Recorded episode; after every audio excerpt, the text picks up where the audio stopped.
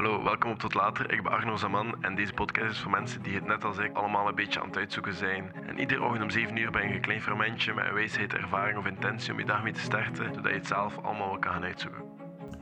Ik ben zo aan het leren het leven minder serieus te pakken.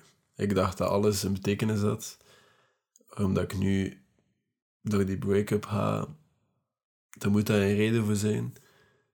Of waarom ben ik die persoon verloren? Er moet daar een betekenis aan zijn. Maar de realiteit is dat leven eigenlijk gewoon heel random is. Je weet nooit welke kaarten gedeeld zullen worden. En je bent niet beter of slechter dan de volgende persoon.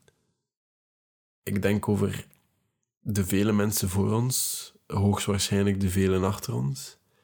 We zullen allemaal snel vergeten zijn en ik vind dat niet zo erg. Het heeft mij vrijheid om te weten dat, dat ik niet zo belangrijk ben. En ik vind het leuk om te accepteren dat er dingen na mij zijn. En ik wil mijn deel, voor zolang mijn leven duurt, voor whatever dat ik bedoeld ben om te doen, ook gewoon doen. Maar ik ben niet meer gestrest dat ik alles moet doen. ik ben te beseffen dat ik gewoon moet zijn.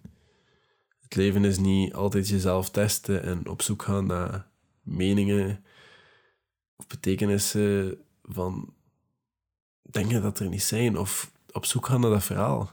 Ook al zou ik dat verhaal soms heel leuk vinden, betekenissen die komen door er voor elkaar te zijn. Dus ik neem het allemaal niet meer zo serieus. Uh, dat was een stukje van eergisteren, denk ik, in mijn journal.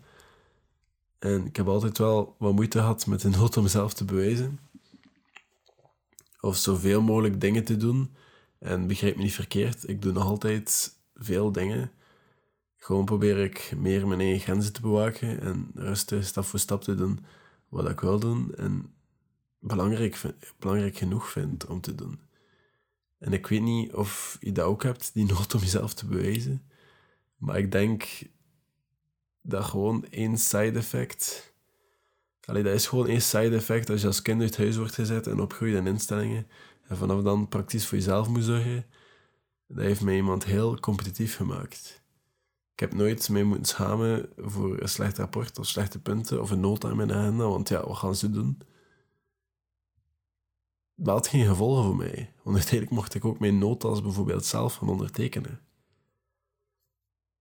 Maar ook uiteindelijk heeft dat er ook voor gezorgd dat ik een enorme drang had om het te wijzen ten opzichte van mezelf en anderen en mensen die me vroeger vertelden dat ik daar de achtergrond niet voor had, of dat ik gewoon geen toekomst ging hebben, of ten opzichte van mijn papa dat ik nooit gekend heb, dat ik me daarover wou bewijzen.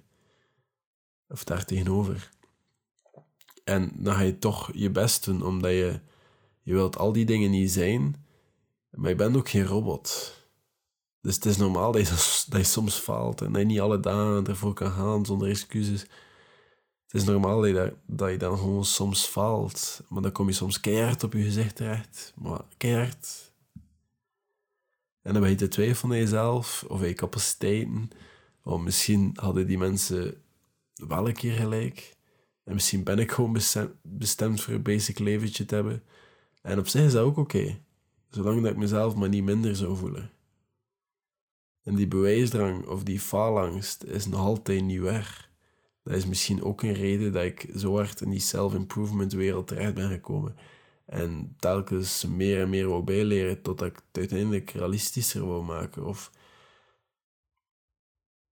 mensen met die simpelere zaken wou helpen. Om zich gewoon toch ietsjes beter te voelen. Omdat ik mij misschien op dat moment gewoon kei slecht voelde. Of toch zeker niet het gevoel te hebben dat mensen alleen zijn. Of dat mensen ergens alleen door moeten raken. Want als het gevoel is dat ik goed ken, is het al wel. En ik weet gewoon, ik weet hoe dat is om alleen te zijn en je alleen te voelen. En dat is, dat is kut. Want je denkt dat je, dat je overal alleen voor staat en dat niemand zich voelt hoe dat jij je voelt op dit moment. Maar uiteindelijk heeft mij ook iemand gemaakt die gewoon graag en goed alleen is. En of dat, dat positief of negatief is, ik ga dat aan jullie laten voor te oordelen. Maar ik weet ook niet hoe, hoe dat deze podcast overkomt. Misschien is dat gewoon voor jullie een kijkje in mijn brein. Of misschien herken je jezelf hierin. En misschien hebben sommige mensen dat nodig om te weten dat het oké is en dat ze niet alleen zijn. Of misschien ben je een beetje van, ja, nee, dat is een beetje te veel into my feelings.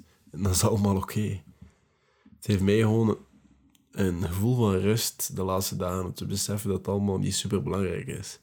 En dat ik gewoon mijn dingen moet doen en mezelf moet zijn en overal en altijd, voor zolang dat kan. En dan zien we wel. Het is een ietsjes kortere podcast vandaag, maar ik hoop dat je er iets gehad hebt. Doe dat goed vandaag. En denk er een keer over na. Het is misschien allemaal niet zo belangrijk. Tot later.